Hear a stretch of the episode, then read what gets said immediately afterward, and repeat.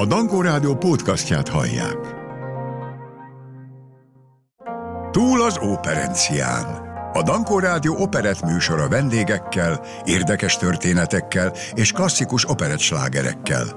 Túl az operencián. Cikora Lászlóval. Önök a Dankó Rádiót, a Magyar Zene Rádióját hallgatják. Túl az Operencián című műsorunk vendége nem régiben Vizi Márton, zeneszerző, dalszövegíró, producer, előadóművész volt. A beszélgetés legérdekesebb és legszebb pillanatait most újra meghallgathatják itt a Dankó Rádióban. Kellemes rádióhallgatást kívánok! Túl az operencián. Eheti vendégünk Vizi Márton, zeneszerző, énekes, előadóművész, kreatív szakember. Még mit mondhatok rólad? Többet ne, már is sok. Szeretettel és tisztelettel köszöntelek. Köszönöm szépen, hogy elfogadtad a meghívásunkat. Hát köszönöm a meghívást és az érdeklődést. Ha azt mondom neked, hogy József Attila, mi jut az eszedbe? Nem túlzás, ha azt mondom, hogy nem, a magyar, nem csak a magyar uh, irodalom, hanem a világirodalom talán a legtehetségesebb és legmodernebb költője, aki mai nap is tökéletesen aktuális. Miért tettem fel ezt a kérdést, hogy József Attila szerinted? Áruljuk el a kedves rádióhallgatóknak. Gondolom a 11 mm, évvel ezelőtti Madács musicalünk premierje kapcsán, tehát akkor volt ugye a darabunk, lassan most februárban lesz a premier évforduló. Hát igen, most már több mint századik előadását éli át ez a darabunk, aminek zeneszerzője vagyok. Mi a címe a darabnak? Kikkel dolgoztál együtt? Illetve kirendezte a darabot? A darab címe Én József Attila, és Szirtes Tamás rendezte. 2012. február 10-11-én volt a premier, és a szerzőtársamat úgy hívják, hogy Tóth Dávid Ágoston. Ő felelt a, a szövegkönyvért, és tulajdonképpen nincs kiírva a színlapon, bár ki kéne írni, hogy a harmadik társszerzőnk az maga József Attila, hiszen az összes dal, ami, ami, amit én megzenésítettem, és ami megszólal, az egy József Attila vers dalszövegként értelmezve. Ez csak egy bemelegítő kérdés volt, úgyhogy kezdjük az almafa gyökerétől. Milyen típusú gyerek voltál? Olyan, akit leraktak a sarokba, és ott eljátszadozott a kisvonatával, vagy pedig robbantotta maga körül a környezetét. Beletrafáltál tulajdonképpen. E, én nem a, természetesen nem az ilyen tedd ide, tedd oda típusú gyermek voltam. Elég sok e, fejfájást és gondot okoztam a szüleimnek már egész e, kicsi koromtól kezdve. Édesapámnak a kedvenc növényeit előszeretettel a leveleit összedörzsöltem már talán másfél éves koromban, és utána nem árulok el nagy titkot, hogy viszonylag sok iskolába jártam, és ennek az volt az oka, hogy mindenhol valamilyen szempontból átléptem valamiféle vörös vonalat. Tehát nagyon proaktív voltam, önmegvalósító, önérvényesítő típus. Mint minden emberi tulajdonságnak vannak hátrányai és vannak előnyei, amit az ember az élete során alkalmaz, és talán tulajdonképpen az életművészet az azt is jelenti, hogy az én esetemben, meg talán mások esetében is, hogy hogy az ember ezeket a tulajdonságait megpróbálja az élet minden területén érvényesíteni, vagy, vagy, vagy felhasználni, de talán szüksége van is rá. Magyarország egy kis ország, ahol kevésbé mondható el, hogy bizonyos iparágak, vagy bizonyos szakmák így önmagukban kiművelhetők. Tehát nagyon sok társ, csúnya idegen szóval én interdisziplináris mozgásokra van szükség. Tehát sok dologban otthon kell lenni azért, hogy, hogy te magadat igazából jól tudjad képviselni a művészet egy nagyon jó példa arra, hogy nagyon kevés művész mondhatja el, hogy, hogy csak művészettel foglalkozik, van egy menedzsere, és aki őt eladja, értékesíti, és, és szuperül. Mert ez egy kis piac, viszonylag lezárt ö, sajátosságai vannak, úgy értem azt, hogy nyelvi korlátok, stb. Tehát, hogy, hogy ö, nagyon jól kell tudni néha jégen táncolni, azt mondom, hogy, hogy így fogalmazzak ilyen képletesen, hogy, hogy az ember azokat a célokat, vagy azokat az eredményeket tudja elérni, vagy hozni, amiket így kitűz maga elé. Kérlek, mesélj szülőkről, felmenőkről. Viszonylag egy, egy régi konzervatív keresztény családból származom. Ükapám egyébként ő volt az első királyi magyar főügyész, ő alapította az ügyészséget. Aztán volt egy altábornagy dédapám, aki, aki a háború után ugye emigrációra kényszerült Amerikába. Ja, és azt nem mondtam, hogy mi kilencen vagyunk testvérek, édes testvérek. És te a második vagy, ugye? Én vagyok a második, igen. Az első, tehát a bátyám és a legkisebb testvérem között 20 év van, tehát 20 év szórásban születtünk meg, és ez, egy, ez a közeg, az Andrási úton, a Kodály házban, a Kodály köröndön nőttem fel, és, és tulajdonképpen ez az egész közeg szintén az ember személyiségére kihat, hiszen ahol, ahol sok gyerek van, ott talán kevesebb figyelem jut mindenkire, mint ahol egy vagy kettő, ezeknek mind van előnye és hátránya. Tehát azt gondolom, hogy akik sokan vannak testvérek ott, azt látom, hogy sokszor sokkal életképesebbek is, hiszen maguknak kell megteremteni. Én például emlékszem, hogy érettségi után ö, magam jártam ki, és találtam meg annak a módját, hogy Angliába egy évet Oxfordban ö, angolt tanuljak, és, és tulajdonképpen csak így bejelentettem a szüleimnek, hogy én akkor március közepén megyek Oxfordba, és nem is értették, hogy hogy. Én nem, soha nem szóltam, én mindig magamnak intéztem hogy ezeket a dolgokat. Hogyan nézett ki gyermekkorodban egy karácsony ennyi testvérrel? Itt az András úton ez egy régi nagy polgári lakás volt, elég nagy, nem lehetett leválasztani ugye a Rákosi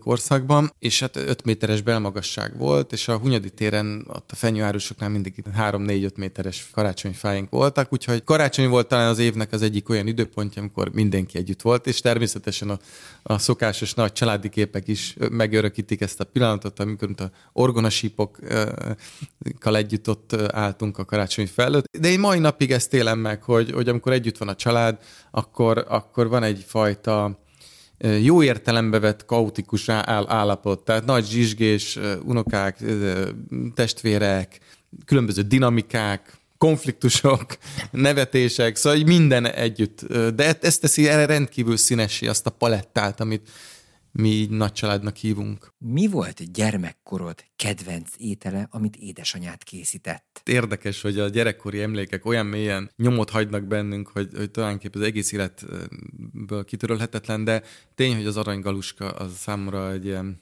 mindent visz kategória, és édesanyám nagyon finoman tudta és tudja elkészíteni mai napig. Amikor te bekerültél a zeneiskolába, akkor mennyire voltál olyan gyerek, ugye te, ha jól emlékszem, csellózni tanultál a zeneiskolában. Igen. Ugye? Szociálisan akkor egy érzékeny gyerek voltál. A cselló az egy magányos hangszer. Tehát amikor gyakorol... Nagyon jó a kérdés. Az egész történet azzal kezdődött, hogy a nagypapám, aki szintén egy nagyon konzervatív típusú ember volt, azt mondta, hogy egy olyan nincs, hogy egy családban nincs zongora. Nyilván szerint körülmények között éltünk, de akkor ő a családnak vásárolt egy pianinót. És akkor ott állt egy pianino a, a szobában, én meg természetesen hiperaktív, kicsit hiperaktív gyerekként elkezdtem felfedezni. Zárójel, tulajdonképpen magamtól tanultam meg zongorázni, sose tanultam, és ez autodidakta módon ez, ez így maradt. És, és akkor szüleim azt gondolták, hogy ha már így engem úgy érdekel ez a hangszer, akkor beiratnak zeneiskolába. A zeneiskolába már nem volt az zongoratanszakon hely, és akkor rábeszélték a szüleimet, hogy a, hogy a cselló az egy milyen szép hangszer, egy ilyen hiperaktív gyereknek, mint én, az finomítja a, a, a személyiségét, hiszen így át kell ölelni, és, és az, az milyen jó. Csak hogy azért mégiscsak egy szólisztikus hangszer, én pedig a világéletemben a harmóniák között éltem, és az zongerában is pont ezt tetszett, hogy, hogy összhangzatot tudtam egy hangszer által teremteni valamelyest, és, és akkordok és hangzásokat, atmoszférákat így létrehozni, de mégis csak a csellóra aztán végre. Hat évet végig küzdöttem. Küzdés volt?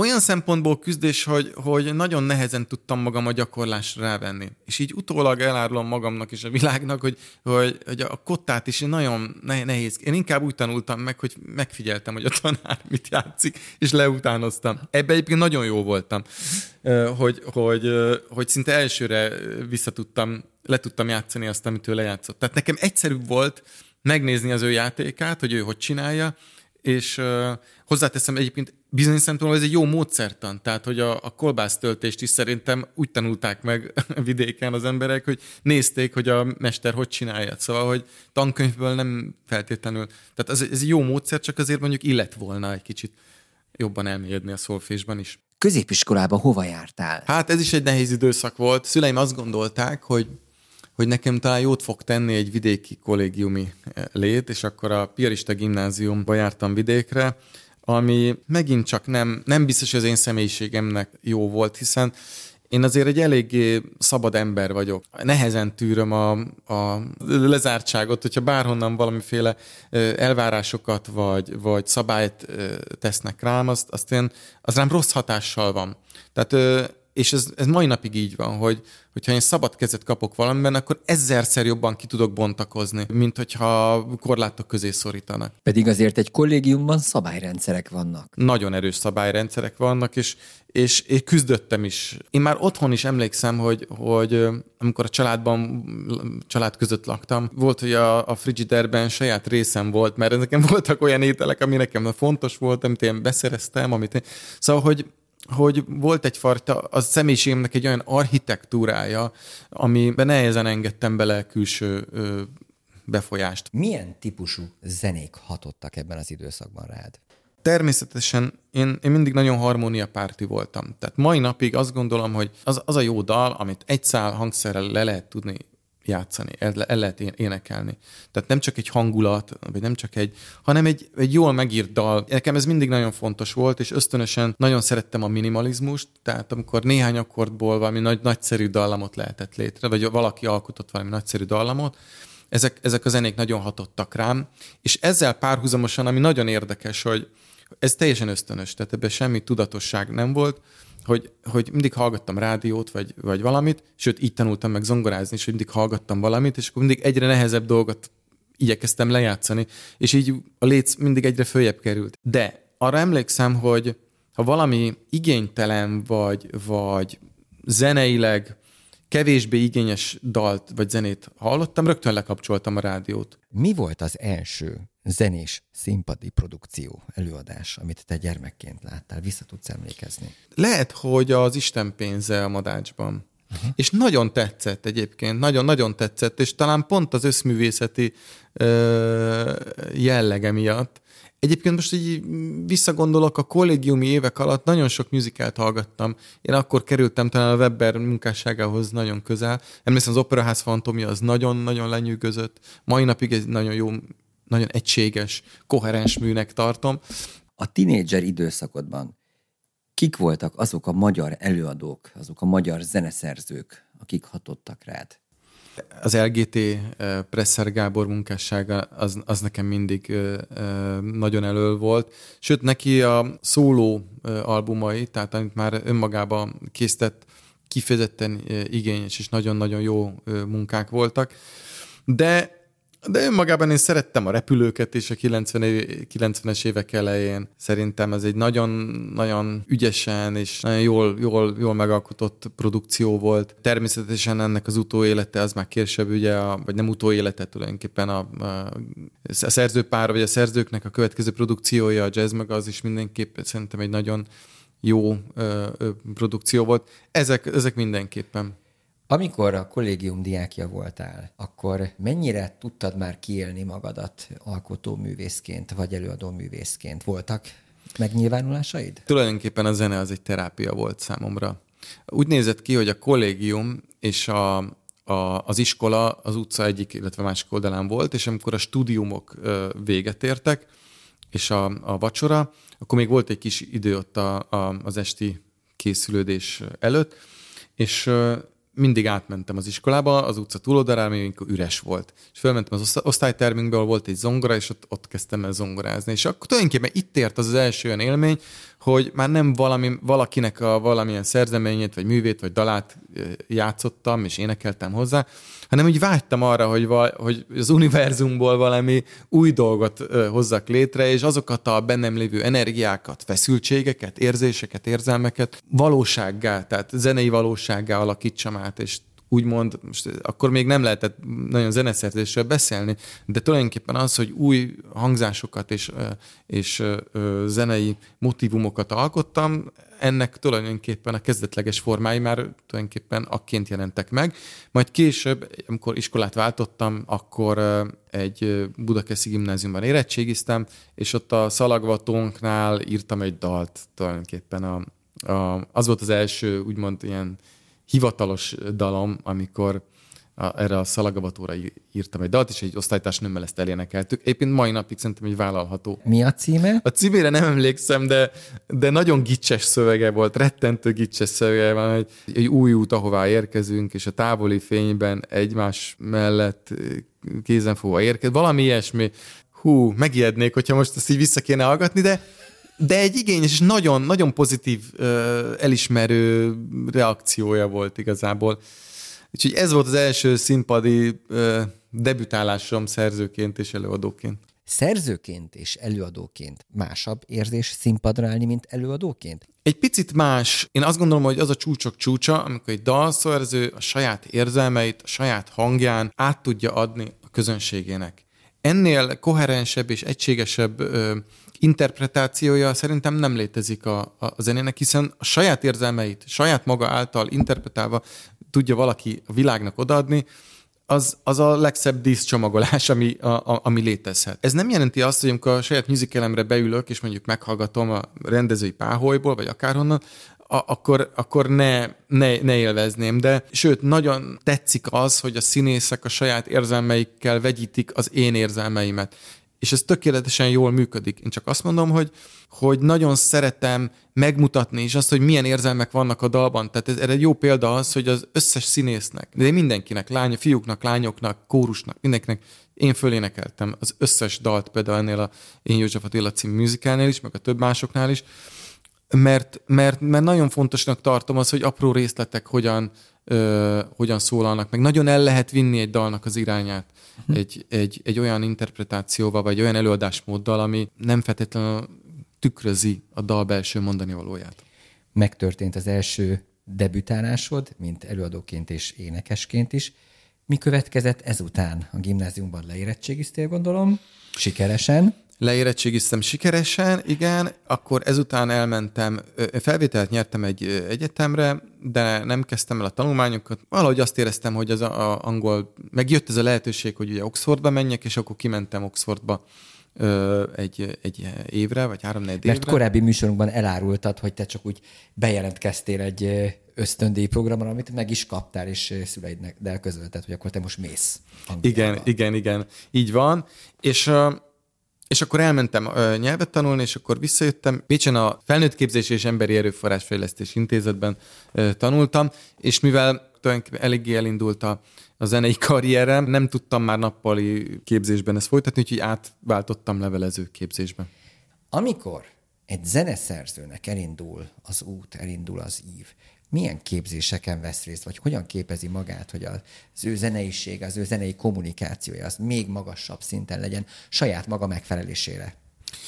Én mindig magamat képeztem, megmondom őszintén. Alig olvasok kottát, nagyon keveset foglalkozom a, a zene elméletnek a, a, a tudományos részével, ezt őszintén bevallom de annál többet elemzem a zenéket. Tehát uh-huh. rengeteg zenét hallgatok, szétszedem magamba, mint egy órát, és utána újra összerakom, aztán újra szétszedem, újra összerakom, és próbálom megérteni azt, hogy mi működteti igazából, mitől jó. Amikor, tehát azt mondod, hogy szétszeded magadat és összerakod, mennyire mersz önmagadban mélyen kapirgálni? Először is a zenének van egy strukturális része, mondjuk, hogy majd veszünk egy dalról, ugye egy három perc, vagy egy három és fél perces, négy perces dal, az egy nagyon rövid idő, tehát az a három-négy perc alatt egy dramaturgiának végig, végig kell futnia. Ez a dramaturgia működteti a dalt, ezért hallgatják az emberek. Egy, egy történetmesélés. Nagyon nehéz három-négy percben egy történetet jól elmondani, csak gondoljunk arra, hogy hogy mennyire kevesen tudnak nem 10 percben vagy 20 percben elmesélni, hanem két-három perc alatt elmesélni egy történetet. Most ez zenében még nehezebb, úgyhogy annak hangszerelése is van, hogy abban abba, abban szólnak vokálok, hangszerek, stb. Tehát ez, ez, egy, ez egy komoly, komoly struktúra, amit, amit meg kell érteni. Egy dal az általad hogyan születik? Nálam általában a zene, zenével kezdődik egy, egy, egy dal, kivéve a József Attila esetében, hiszen ott ugye voltak komplet versek, de most maradjunk a, az eredeti állapotnál. Nálam úgy születik, hogy először is én minden nap szinte írok egy dalt. Minden egyes áldott nap van, van, van egy többet is. Ez azért nagyon fontos számomra, mert ez kicsit ahhoz szoktam hasonlítani, mint hogy egy, az a jó egy autónak, hogyha folyamatosan használják, vagy az egy jó egy, egy vízcsapnak, hogyha foly, sokat folyik belőle, mert nem gyűlhetnek össze a, a kórokozók, baktériumok, rozsda, stb. Tehát az jót tesz, hogyha folyamatosan a csatornán megy keresztül e, valamiféle flow vagy áramlás. E, ezért nagyon sokat írok. Ebből között ennek a 80%-a a szemétkosárban landol, vagy egy virtuális zené, szemétkosárban landol. De most megmutatnám a telefonomat, hogy, hogy, hogy hány felvétel van rajta, akkor nem tudom, 7-800, vagy, vagy, vagy, vagy még több. Ezek mind, mind dalok, ötletek. De ilyenkor te felénekled, vagy felgitározod? Nem, feléneklem, feléneklem, és nagyon örülök, hogy, hogy nagyon szeretem, hogy van egy ilyen telefon, amit, mert nagyon fontos a, a kezdeti csírákat rögtön elkapni. Mert nagyon gyorsan elveszti az ember. Tehát ez, ez tényleg a, a, a zeneszerzés, ez egy olyan dolog, hogy legalábbis én így élem meg, hogy átrepül a fejem fölött egy angyal, és akkor, ha sikerül elkapnom a lábát, vagy a szárnyának a végét, és picit megragadnom arra, arra pár percre, ami, akkor, akkor jó eséllyel születhet valami jó dolog. De azért ez mondom, és akkor kicsit visszatérve ennek a, a, a bennem történő folyamatára, nálam a zeneszerzés az nagyon nagyon a, az atmoszféra és a hangulat, tehát ahogy az angol mondja, egy ambi, ambience-t. Előbb születik meg az a világ, amit úgy érzünk, mint egy, mint egy képnek a, az Instagram filtere, tehát hogy, hogy, hogy előbb van meg a filter, ez a világ, amiben, és utána ahhoz jön aztán a kép, amiben értelmet kap az a, tehát maga hangulatot kell először igazából meg, megérezni, hogy az, a, az az érzés, vagy az a gondolat, ami a fejemben van, az milyen hangulati környezetben tud a legjobban érvényesülni. Nálam ezzel kezdődik, és akkor utána utána természetesen az embernek a tapasztalata, a rutinja elkezdi kibontani, és tulajdonképpen ez a, valahol ez a feladat, hogy egy ilyen szövet gombolyagot így elkezdjek kibontani, és utána fölfejteni, és aztán a végén ez vagy sikerül, vagy nem. Van, hogy örülök neki, van, hogy félreteszem két hét múlva, és előveszem, és rájövök, hogy ez teljesen értéktelen, vagy, vagy általában egy tízes skálán szoktam osztályozni a, a, a saját szerzeményeimet, és és azt vettem észre, hogy ami 7-8 pont alatt van, azokat tehát az ilyen szódával elmegy típusú dolgokat inkább, inkább elengedek. Van olyan ember, van olyan személy, aki azért úgy azt mondja, hogy de lehet, hogy ez szódával elmegy, azt gondolod, de mégiscsak ez jó, ez jó ez az anyag. Tehát van kontroll, aki, aki ebben segít, hogy így azért mondja, hogy hát ez, ez. Ha nagyon bizonytalan vagyok, akkor van egy-két kontrollember, akinek megkérdezem a véleményét, de azért már kialakult bennem az az ítélő, értékítélő képesség, hogy, hogy megállapítsam, hogy ennek, hogy ez, ez mondjuk ezen a tízes skálán, ez, ez, ez mennyit ér. A középszer és a, a nagyszer, vagy a nagyszerű és a középszerű között azért azért látható különbség van. És azt gondolom, hogy aki valamivel foglalkozik, kell, hogy annyira jó szakember legyen, hogy megállapítsa, hogy ez egy bútorkészítőre is igaz, hogy amit elkészített, vagy egy szakácsra, az, az középszerű, vagy ez nagyszerű. Aki nem tudja ezt megállapítani, az az abban a szakmában igazából nem jó. Azt el kell, hogy áruljuk a kedves rádió hallgatóknak, hogy te öttusáztál is, és nem is akármilyen szinten. Hogyan jött a te életedbe ez a sport? Hát az öttusa úgy kezdődött, hogy, hogy a testmozgásokban, tehát általában a művészetek és a testmozgások sportvilága állt hozzám nagyon közel, és az általános iskolában a testnevelő tanárunk nak egy jó barátja, tulajdonképpen szerintem együtt tanultak a TFN, ő öttusa edző volt, és, és eljött a testnevelés órára, hogy kiválassza a tehetséges, legjobb, vagy legtehetségesebbeknek tűnő, és én ott mindig az élmezőnybe futottam általában a, a Városmajor köröket, és akkor kiválasztott, és akkor így elindult az öttusa, de hát azért mondom, éj, hosszú évekig csak az úszás és futás határozta meg, ami, ami nekünk az egy kicsit szívfájdalom volt, mert vágytunk arra, hogy a lövés, vívás, lovaglás, tehát hogy azért ezekhez is közel kerüljünk. De mindegy, és aztán amikor a lovaglás felé mentünk volna, akkor már jött a gimnázium, és akkor úgy vidéki, stb. és abba hagytam a, a, a, ezt a sportot. De azért a lovak szeretete nálam megmaradt, és aztán később a barátaimmal néha elmentünk, és a, ők vezettek be a tereplovaglásnak a világába, ami nekem nagyon tetszett. Az, az a korlátlan szabadság. Fölülsz egy lóra, és, és kimész a természetbe, erdőkre, mezőkre, Balaton felvidéken, fantasztikus érzés. És, és aztán azt, azt vettem észre, hogy a lovaglás az kicsit a sieléshez nagyon hasonlít, hogy, hogy elképesztően ki tudja kapcsolni az embert. Tehát a, a, a, tulajdonképpen az, a, az az aktív pihenés, ami, amikor, amikor nem a nem a problémáidon gondolkozol, hanem ugye a, lovag, a lóval való kapcsolat és a, és a természetben való feloldódás. Na, szóval, hogy ez, ez nagyon illik az én világomhoz. Született már lovon dal? nem, nem, nem, nem született, de, de az, az viszont nagyon fontos szerintem, és ez egy nagyon érdekes, és a kérdést inkább abba az irányba terelném, hogy, hogy egy szerzőnek nagyon fontos, hogy hatások érjék. Tehát, hogyha engem beraknál egy négy fal közé, négy fehér fal közé mindenféle hatás nélkül, és mondjuk nem találkoznék emberekkel, nem ismernék meg életből szituációkat, konfliktusokat, drámai helyzeteket, örömöket, katarzisokat, stb., akkor, akkor mi hatna rám. Van egy amerikai mondás, azt mondja, hogy az vagy, amit megeszel.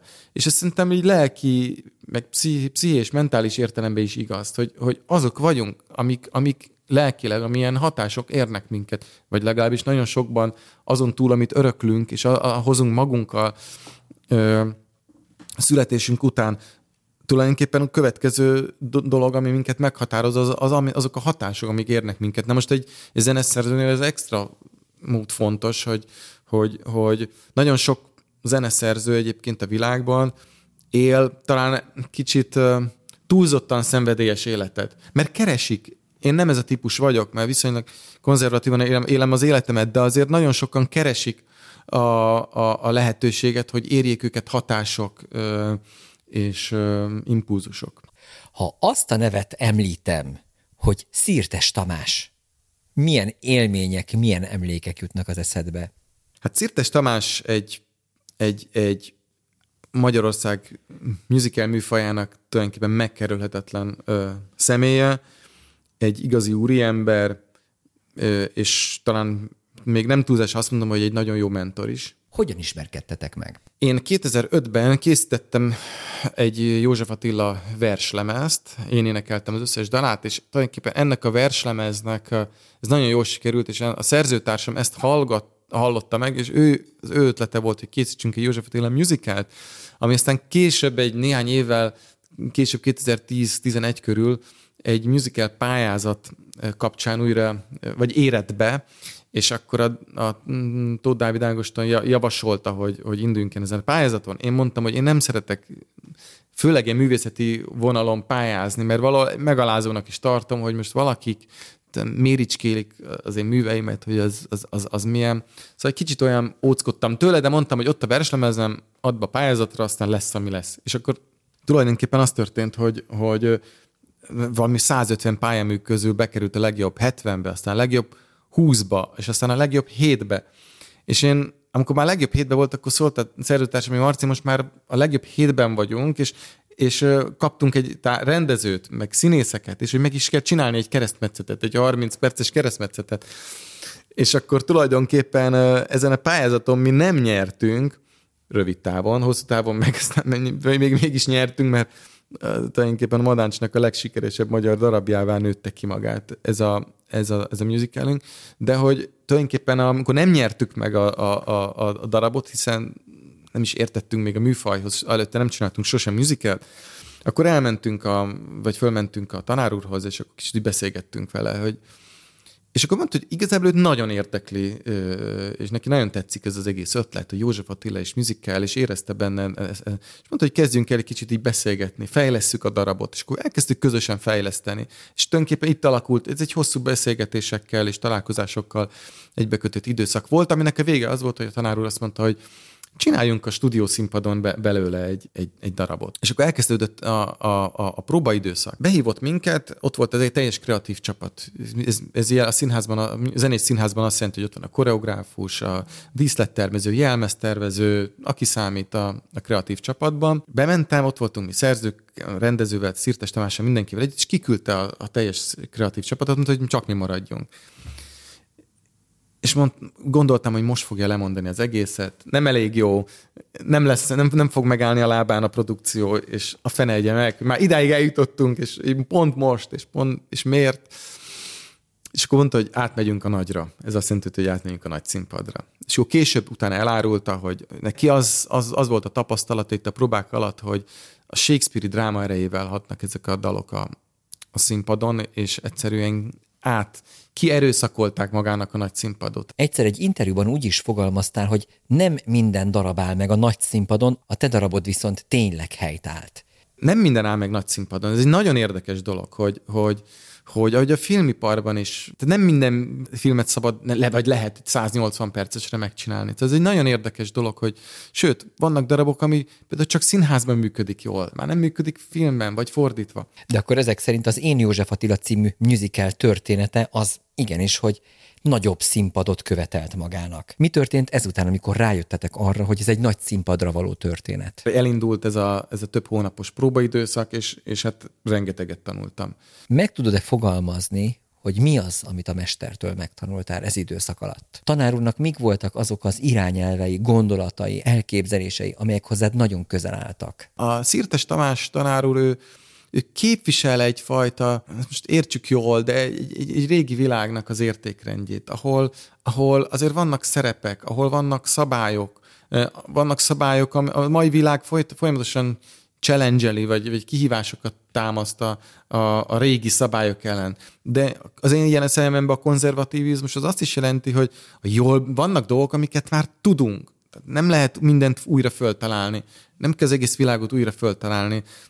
A poharat nem lehet újra föltalálni. Tudjuk, hogy egy pohár az hogyan illeszkedik jól a szánkhoz, nem lehet négyzetes pohárból inni, bármennyire is valaki föl akarja találni, hogy a pohár az akkor jó, hogyha nem kör alakú a teteje. Nem. Tehát, hogy ők és képvisel egy olyan értékrendet, ami, ami szerintem nagyon-nagyon jó, mert a színház csinálásnak ez egy ilyen szakmai zsargon, nem biztos, hogy a legszebb szó, de tulajdonképpen a színház csinálásnak ő, egy, ő megértette a, a, lé, a lényegét, és ezen belül a zenész színháznak a, a, a lényegét, és, és valljuk be, Madács Színház hoz egy olyan színvonalat, valaki ezt meghallja, most ne a saját darabunkról beszéljünk, hanem bármelyikről, ugye a Madács Színházban csak non, úgynevezett non-replika darabok mennek. Tehát az azt jelenti, hogy, hogy nem szabad, nem is szabad a bármelyik New Yorki, vagy londoni, vagy a világban megvalósult darabot leutánozni, hanem, hanem csak a szövegkönyv és a kotta áll rendelkezésre. Tehát kötelező máshogy megcsinálni. Tehát ezek mind egyedi rendezések, amiket és ez egy nagyon nagy dolog, hogy, hogy, hogy, hogy a Szirtes Tamás tényleg elmondhatom, én a világban sok helyen néztem musicalt, de ő hozza azt a világszínvonalú zenés színház csinálást, ami, ami a madácsot jellemzi. Úgyhogy röviden vagy hosszan, de ezt gondolom róla.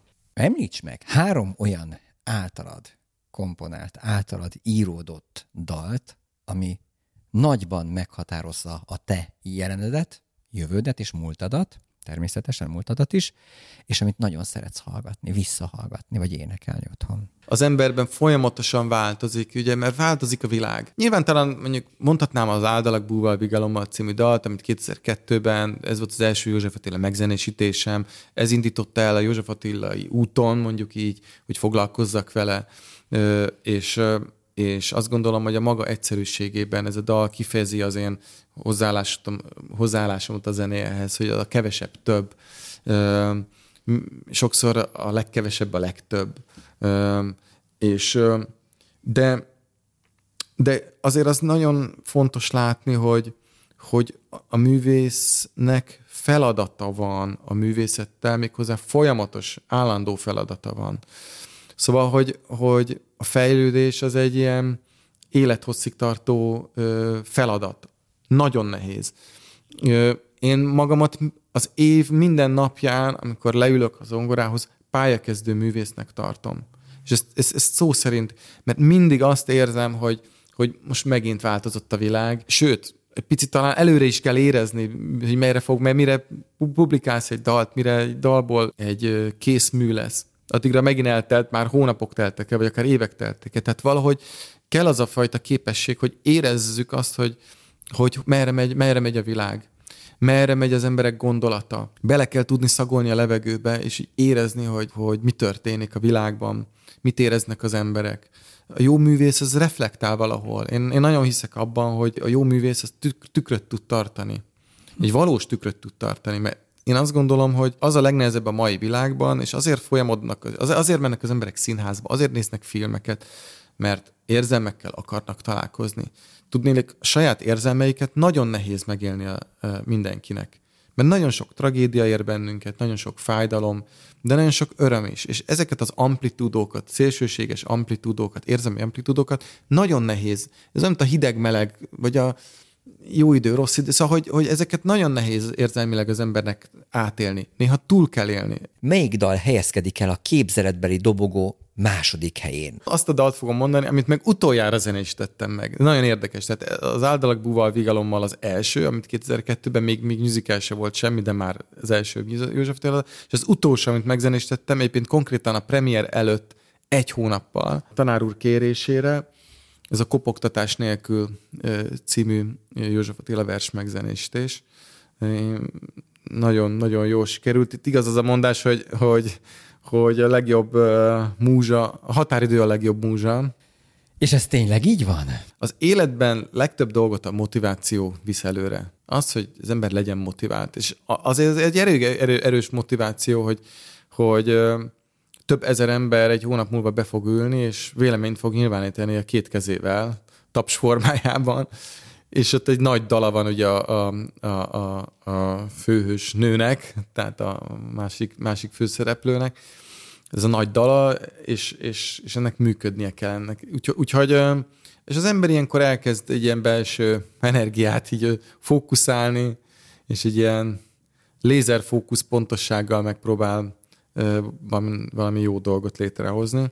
Kik voltak az alap főszereplői színészek ennek a bemutatónak? Posta Viktor, Nagy Sándor, mint József Attila, és akkor a, a női vonalon pedig Muri Enikő, Balla Eszter, Poják Lilla, velük, ő, ő, ő velük indult, aztán bejött Galusz Niki menet közben. Amikor elindul a próba folyamat a színészekkel, és ott van a zeneszerző a munka folyamat közben, van-e lehetőség arra, hogy a színész azt mondja például a zeneszerzőnek, hogy légy szíves, ezen változtassunk, mert nekem ez nem kényelmes, vagy pedig azt kell a színésznek elénekelni, amit a zeneszerző megálmodott. Általában azt szoktam mondani, hogy nem vagyok semmi jónak az elrontója, sőt, általában, hogyha megbízok valakit egy, egy munkával, mondjuk én, egy fordított helyzetben, mondjuk egy grafikust, akkor ahelyett, hogy elkezdeném őt rögtön terelni, hogy ezt csináld be, van a fejemben egy kép, hogy mit szeretnék, de azért hagyom, hogy először ő, ő bontakozzon ki. Én föléneklem a dalt, ami már megadja tulajdonképpen azt, hogy ennek merre kell mennie, és akkor hagyom, hogy ő, egy, ő ezt hogyan formálná meg. Na most volt arra is példa, hogy valaki nagyon elvitte egy olyan irányba, ami, amivel azt mondtam, bocs, de nagyon aranyos vagy, és nagyon szeretlek, de ez nem az. Úgyhogy ennyire ne vegyük, ne liberalizáljuk. A De volt olyan is, hogy, hogy az egyik színésznő kérte, hogy esetleg mi lenne, hogyha a dalnak az utolsó sorad mondjuk nem lefelé, hanem egy fölfelé irányba mozdulna tovább. És akkor megkértem, hogy mutassa meg, hogy mire gondolna, hogy milyen. És akkor mutatott egy-két példát, és mondtam, nagyon jó, és akkor végül is megállapodtunk egy irányvezetésben, és azt, azt, azt, azt hagytam, és tulajdonképpen jót is tett a, a, a, a dolognak. Tehát a, a, azt mondanám, hogy egy 5%-os belenyúlás az, az, az belefér, mi talán jót is tesz. Fontos az, hogy a színész azonosulni tudjon, és az ő személyisége nyilván más, mint az enyém. Ha előre viszi a darabot, miért nem? Néhány évvel ezelőtt a közmédiában egy tehetségkutatón részt vettél. Áruljuk el a kedves rádió hallgatóknak, hogy mi volt ez a műsor, és meddig jutottál, mert nem is akár meddig jutottál kedves előadó társaddal, Gallus Nikolettel ez a dal című műsor volt. Igazából nem tudom, hogy jó ötlete volt, egészen a döntőig bejutottunk ezzel, Galusz Nikivel énekeltünk egy dalt, de tulajdonképpen megmondom őszintén, ennek a felhajtó ereje abban keresendő, hogy ez teljesen időben egybeesett a, az Én József Attila musicalünknek a premier időszakával, és úgy gondoltam, hogy amikor energiák elkezdenek így minden irányból jönni, akkor ez, erre rá kell ülni, és érdemes ezeket meglovagolni. Volt egy, egy, egy erősnek gondolt dalom, amit, amit beadtunk, megcsináltunk a Nikivel, és én nagyon hittem abban a dalban, és tulajdonképpen nem is indokolatlanul, és végül egész sokáig jutott.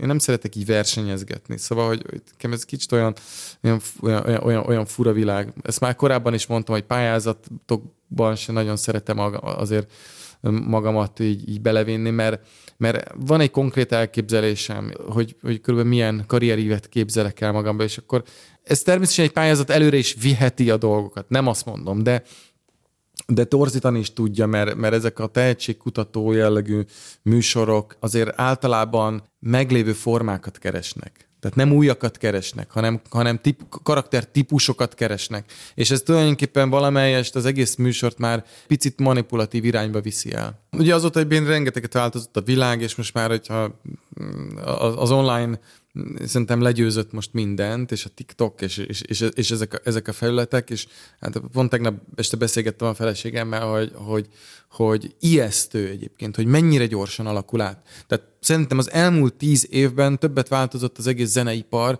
mint az, el, mint az elmúlt 40-50 évben össze, összesen. El, egészen elképesztő, hogy, és még most is folyamatosan változik. Gondolja, gondolj bele, hogy naponta százezer dal jelenik meg a Spotify-on mint streaming szolgáltató oldalán naponta. Tehát az elmúlt egy hétben közel egy millió dal jelent meg borzalmas szám. Ez micsoda zaj, micsoda tömeggyártás. Ezek mind új, új, új szerzemények. Most ezekből megtalálni a, a, a közönségedet elképesztően nehéz. Nemrégiben, 2023-ban konkrétan Ferenc pápa Magyarországra látogatott, és te ott azért elég komolyan és aktívan részt vettél ebben a fogadóbizottságban. Miként is, hogyan is? Mivel járultál hozzá a Ferenc pápa itt létéhez? Két dologgal, azt gondolom tudni vélem. az egyik az, hogy a pápa látogatásnak a, a, a dalát, hivatalos dalát én jegyzem, ami egyébként egy pár hónappal korábban megvalósult musicalünk, a Ignác, a lelkek lovagja című musicalnek az egyik fő dala. Azt alakítottuk kicsit a szövegében a pápa látogatáshoz, és és mivel a Loyolai Szent Ignác jezsuita volt, mint a Ferenc pápa, ezért ez egy ilyen szerencsés találkozásnak véltük, és, és úgy gondoltuk, hogy ez mindenképpen egy, egy hasznos dolog, és ez nagyon jól, jól, jól is sült el. Azt gondolom, hogy segítette azt, hogy, hogy, a, hogy a fiatalabb generáció is valahogy kapcsolódni tudjon ez, ez az eseményhez. Úgyhogy és ez, ez volt az egyik. A másik, hogy a szombati nap, tehát a fiatalokkal való találkozását, azt annak részben egyik szervezője is voltam. Ez a Forráspont nevű rendezvény, ez már évek óta megy, ennek kezdeti producere is voltam, meg ez ötletgazdája, megalkotója. És itt a, a, a keresztény dalokat tulajdonképpen én és a zenekarom, egy tízfős zenekar adtuk elő, és, és képviseltük igyekeztünk minél magasabb színvonalon, már-már ilyen nemzetközi színvonalú mércéket keresztény előadók mércéhez vinni, hiszen egy nemzetközi eseményről van szó, mégiscsak egy pápa látogatás, bárki bárhonnan becsatlakozik, érezze azt, hogy a magyarok is hoznak egy minőséget. Szerettem volna vele találkozni, és akkor szervezőktől csak aztán az kiderült, hogy, hogy én végig színpadon vagyok, miközben, Aha. tehát a backstage-ben, a színpad mögött nem tudunk, nincs rá lehetőség, mert én végig elő kell, hogy legyek. És aztán, amikor följött a pápa a színpadra, akkor oda hívott magához. Úgyhogy mai napig a telefonomon hordom ezt a ezt ennek a találkozásnak a, a képét, és, és hát megköszöntem, hogy, így, hogy hitként van jelen a világban. És ez szerintem egy nagyon fontos uh, hivatás. Most nagyon forrong a világ minden szempontból, ugye látjuk, már-már lángol sok szempontból, ténylegesen is, meg, meg, meg lelki, vagy, vagy, vagy vagy eszmei, vagy ideológiai síkon. És milyen élmény volt az ővele való találkozás, az a pár másodperc, amit megéltél, de mégis ott voltál közvetlen közelében. Azt éreztem, hogy, hogy, hogy akkor hogy, hogy nem csak egy ilyen, egy ilyen, egy ilyen protokollmosoly van az arcán, hanem, hanem tényleg akkor azt, azt ő komolyan gondolja, megköszönte, mondta, hogy nagyon jó a zene, és azt éreztem rajta, hogy ezt ő komolyan is gondolja, és, és az, a, az a személyes jelen, rendkívül szerény, alázatos, hét, már-már hétköznapi, mint hogyha mi találkoznánk és beszélgetnénk. Körülbelül azt, a, azt az érzetet adta az ő jelenléte. Hogyan kötődsz te Szent Ignáchoz, és mi ez a musical, és hol lehet ezt megtekinteni, és mindent tudni szeretnénk erről a darabról? A jezsuita rendtartomány keresett meg két évvel ezelőtt egy évvel időpontban, hogy erről a témáról szeretnének velem beszélgetni, és, és hát ez egy nagyon fura érzés volt, mert én foglalkoztam keresztény dolgokkal, de a színház világát mindig inkább a profán tartalmakhoz kötöttem, de azért van bennem egy, ahogy azt korábban már mondtam, egy ilyen attitűd, hogy, hogy nem vagyok semmi jónak az elrontója, mondtam, hogy beszélgessünk. Nekem nagyon fontos az, hogy az a téma, amit földolgozok, az hogyan kapcsolódik hozzám, hogyan kapcsolódik az én életemhez, az én gondolataimhoz. Kell, hogy legyen valami kapcsolat, mert különben, különben nem hagy nyomot bennem, és akkor nem, nem leszek képes egyébként olyat se alkotni, aminek, ami releváns lenne, és akkor és akkor megismertem Loyolai Szent Ignácot, a jezsuita rend alapítóját, aki egy lovag volt, egy, és és egy hihetetlen, innovatív személyiség. Tehát egy, ma egy ilyen Steve jobs típus, embertípus. És ez nagyon nehéz összekötni, mert az egyházban működő szentekről kicsit egy ilyen poros, vagy sekrestje illatú ö, képzetünk van. De ez nem így van, mert egy egyházban nagyon nagy élet is tud folyni, és, és nagyon sokan nagyon nagy hatással voltak rá az évszázadok, az elmúlt évszázadok alatt, és voltak hihetetlen innovatív személyiségek. Éppen szerintem Szent második János már pápa is ilyen volt, de Loyolai Szent Ignác is a maga korában olyan volt. Szóval, hogy ő, ő, ő gondolt egyet, és ő meg aztán rendtársai később kitalálták, hogy megtérítik a japán császárt, és elibe is jutottak a japán császár udvarába, és, és bár nem térítették meg, de a császár megengedte, hogy, hogy ők térítő munkát végezzenek. Úgyhogy a, a, a jezsuita kultúrának nagyon nagy, mély gyökerei vannak Japánban mai napig, komoly egyetemek, jezsuita egyetemek vannak ott, és edukáció. Szóval ö, egy nagyon innovatív személyiség volt, és akkor ez nekem nagyon megtetszett, hogy, hogy a világnak úgyis most ilyen innovatív ö, személyiségekre van szüksége, akik a kereszténységet ö, újra tudják értelmezni, vagy, vagy nem újra, de tulajdonképpen a kor nyelvén el tudják mondani, hogy mit is jelentek. Miért fontos számunkra a kereszténység? Ugye ez Európában most már egyet nagy kérdőjeleket vet fel, hogy, hogy, hogy fontos-e a kereszténység, vagy, vagy mit is jelent ez a, ez, ez a, ez a szó. És akkor én úgy voltam vele, hogy talán ez egy ilyen élethivatás is, hogy akkor most a saját szakmánkon keresztül mutassuk meg, hogy, hogy ez mit jelent. És akkor, ha már kérdezted, akkor lehet, hogy ezt mondanám, ebből egy dalt mondanék, mondjuk a Viszlát Világ című dalt, ami, ami az ő megtéréséről szól, amikor ő egy lovakból ugye egy ágyúgolyótól megsérült a térdén, Loyola Szent Ignác, és akkor tulajdonképpen majdnem meghalt, és az utolsó pillanatban mégis túlélte.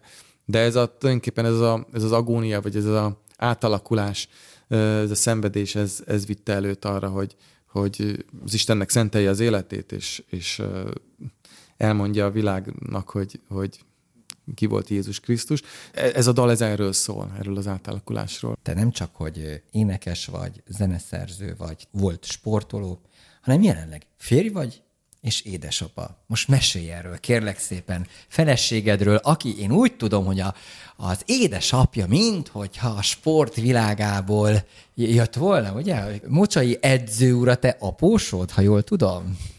Igen, egyébként egy, teljesen véletlenül találkoztam a feleségemmel egy zarándoklaton egyébként, ahol ketten voltunk budapestiek, és mind ketten külön-külön érkeztünk. Ez melyik? Medjugorjéban, Bosznia-Hercegovinában, ez a ez az arándoklat, és mondom, ketten voltunk Budapestiek, és akkor ott olyan sokat beszélgettünk, hogy házasságig beszélgettük magunkat. Igen, a feleségem egy, egy fantasztikus nő, a szülei nagyon-nagyon jó mintát adtak számára. Nyilván ő nem a sportban, ő tájépítész, mérnök, ez eredeti szakmája, de valójában egy, egy elképesztően erős édesanyja. És ez szerintem nagyon fontos a mai világban. Pláne egy, egy olyan férj mellett, aki mondjuk sok mindennel foglalkozik. Szóval a feleségem egy rendkívül erős, nagyon, nagyon jó édesanyja, aki, aki nagyon jó társam és segítségem, jó ízlése van egyébként, nagyon jó tanácsadóm is, úgyhogy szuperlatívuszokba tudok róla beszélni, és hát négy gyermekünknek az édesanyja.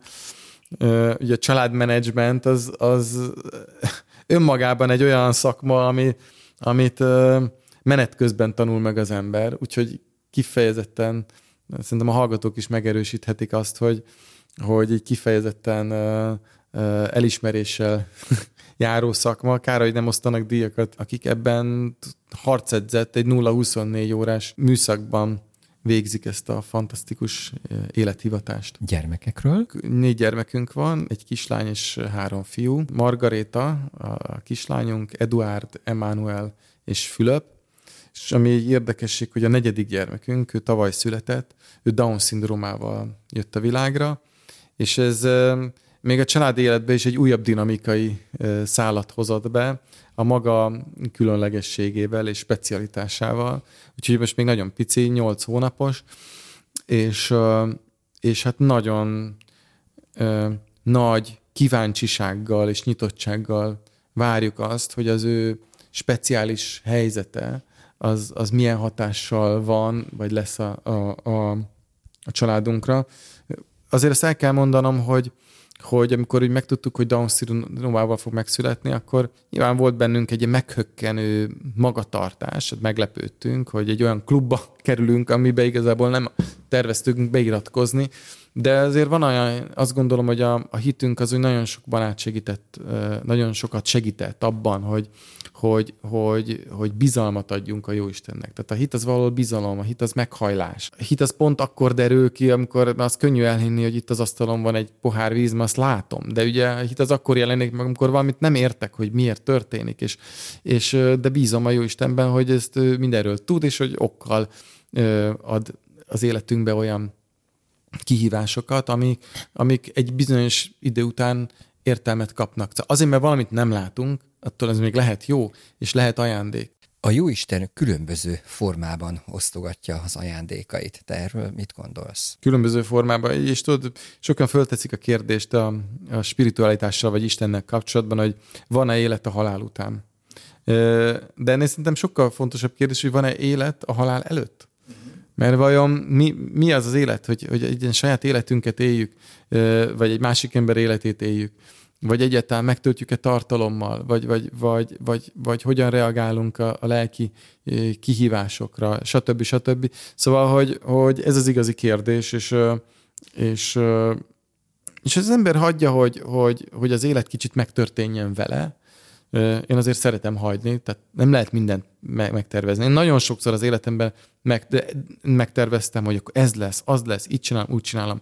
De most itt a rádió nyilvánossága előtt elmondhatom azt, hogy a legnagyobb dolgok, amik megvalósultak az életemben, ezek mind olyan dolgok, amiért én egy gyufát nem tettem keresztbe.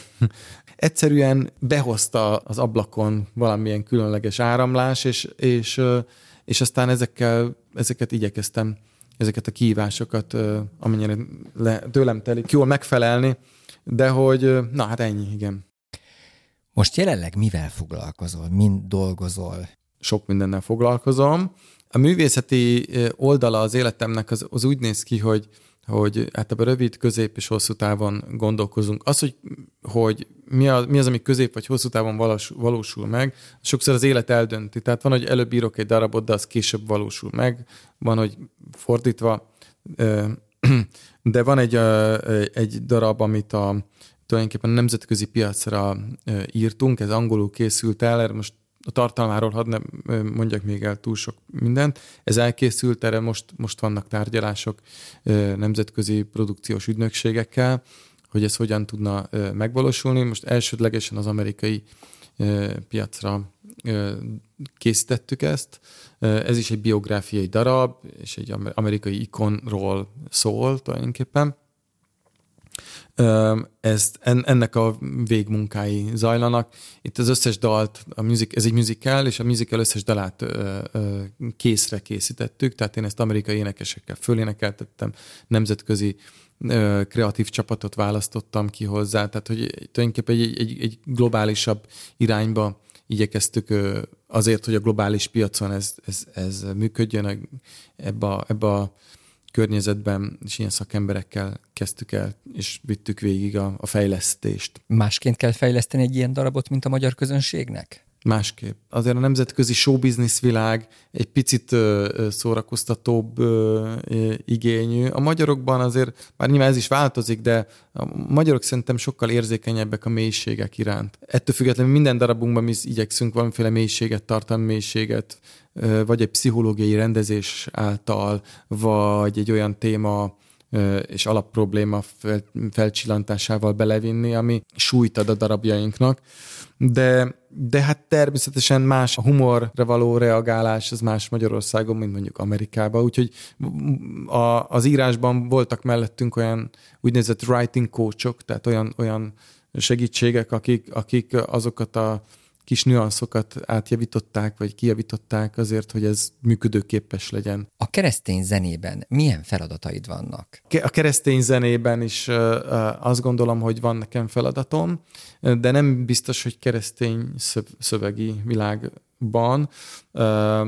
Úgyhogy ezzel, ez most abszolút napi renden van, hogy egy olyan, egy olyan produkciót tető alá hozzak, ami ezt a keresztény fajta értékrendet nagyon fogyasztható módon át tudja adni. Itt a zenekarodról is beszélünk, ugye? Tehát, hogy a zenekaroddal együtt történik ez? Nem, ugye a zenekarom, a, a zenekar az már egy, megval, egy megvalósításban, tehát amikor színpadra, színpadon előadjuk. A produkciós fejlesztés és a, a megvalósítás az már, ez, ez így külön vált az én életemben, mert a produkciós fejlesztésnél az egy laboratórium tulajdonképpen, ahol, ahol ahol nagyon fontos kitalálni azt, hogy, és jól kitalálni, hogy, hogy, hogy milyen hangszerelés, milyen zenei világ az, ami ezt kísérje, milyen szövegi ö, ö, tartalom. Tehát ez nem egy ez a zenekaroknál akkor működik, működik jól, hogyha egy olyan, arra, mint a Beatlesről beszélünk, akik mindent együtt csináltak, együtt gondolták ki, és egy, de azért ez nálam nem így van. Én általában a saját kis laboratóriumomban dolgozom ki, és szedem össze azokat a kreatív szakemberekkel, akikkel együtt ezt ö, ö, kitaláljuk, és tökére fejlesztjük. Vagy legalábbis olyan állapotra fejlesztjük, amikor azt mondjuk, hogy ez most elkészült.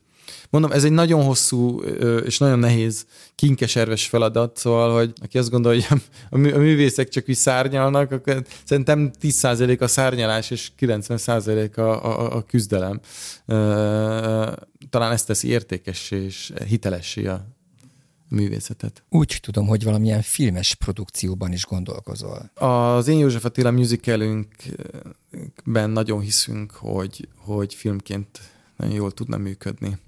Úgyhogy ennek egy, egy filmes fejlesztése van tulajdonképpen folyamatban. Természetesen nem a színpadi változatnak, a, a, a, a, hiszen a, a színpad az más, mint a filmvászon. Sokkal jobban ki kell nyitnunk a, a vizuális kapukat, hogy így fogalmazzak és egy, egy teljesen új szinopszis és treatment készül a, e, erre a filmre. Úgyhogy ez, ez éppen napirenden van. Itt is nagyon sokat e, gondolkodunk abban, hogy milyen kreatív csapattal, leginkább milyen rendezővel valósítsuk meg. Ugye a filmre ugyanúgy hatványozottan igaz, hogy, hogy a rendezőnek a látásmódja, személyisége, stílusa alapvetően meghatározza a filmnek a, az irányát. És utólag már nem lehet azt mondani, hogy ú, ez így kellett volna, vagy úgy kellett volna. Szóval, hogy az elején nagyon gondosan ki kell választani, és tudni kell, hogy milyen irányba megy az ember. Ha az időkerekét 2034-re tudnánk forgatni, mikor tudná elmondani magáról tíz év múlva Vizi Márton, természetesen feltételes módban, hogy én most mind szakmailag, mind magánéletileg egy boldog ember vagyok. Én akkor leszek boldog, hogyha az elő, el, előttem álló, éppen előttem álló feladatokat, amikor lehet, hogy olyanok is lesznek, amikről most nem tudok beszélni, de hogyha azt lelkismeretesen és, és profén motiváltan vég, véghez tudom vinni. Úgyhogy elégedett vagyok vele én és a környezetem és a közönség. Aztán van egy személyes ambícióm, ami vagy összejön, vagy nem. Nagyon örülnék annak, hogyha egy, egy magyar siker a világban általam, vagy az én részvételemmel megvalósulhatna. Nem csak azért, mert a, a hiúságomnak ez jót tenne, hanem, hanem tényleg őszintén fontos az nekem, hogy bebizonyítsuk azt, hogy, hogy nem véletlenül vagyunk 1100 éve itt a Kárpát-medencébe, és mindig hozzá tudtunk tenni a, az egész európai és világkultúrához magánéleti szempontból. Nagyon szeretném, hogyha a gyerekeimnek jó mintát tudnék, jó mintákat tudnék átadni. Most már ezt nagyon tapasztalom, hogy igazából az, hogy én mit mondok a gyerekeimnek fontos, de leginkább az fontos, hogy ők mit látnak. Tehát, hogy ők azt látják, hogy én egy koherens ö, ö, ember vagyok, aki, aki hűséges önmagához, aki tudja, hogy mit akar, aki, aki, akinek van elképzelése a világról, önmagáról, és a környezetéről, és van egy értékrendje, akkor jó eséllyel ők ezt követni fogják tudat alatt. És akkor talán ember válik belőlük is. De hát ez egy óriási. Én mindig azt szoktam mondani, hogy a, a legfontosabb produceri munkám, azok tulajdonképpen nem a zenei, meg a, a, színházi, meg produceri műveim, hanem maga a családom és a gyerekeim. Tehát az, az egy elképesztő nagy kihívás és nagyon nagy feladat. Szinte ember feletti. Kívánom, hogy minden álmod váljék valóra, és köszönöm szépen, hogy egész héten a vendégünk voltál, és tanulságos, érdekes történeteiddel megajándékoztál minket. Köszönöm szépen a meghívást. Önök a Dankó Rádiót, a Magyar Zene Rádióját hallgatják. Az elmúlt percekben Vizi Márton, zeneszerző, dalszövegíró, producer, előadó művész volt a vendégünk. Hallgassák a Dankó Rádió túl az Óperencián című műsorát minden nap 18 órától. Várja önöket a társszerkesztő D. Szabó Ágota, a zenei szerkesztő Szabó Tamás és a szerkesztő műsorvezető Cikora László. A Dankó Rádió podcastját hallották. Minden műsorunkat újra meghallgathatják a mediaclick.hu per Dankó oldalon.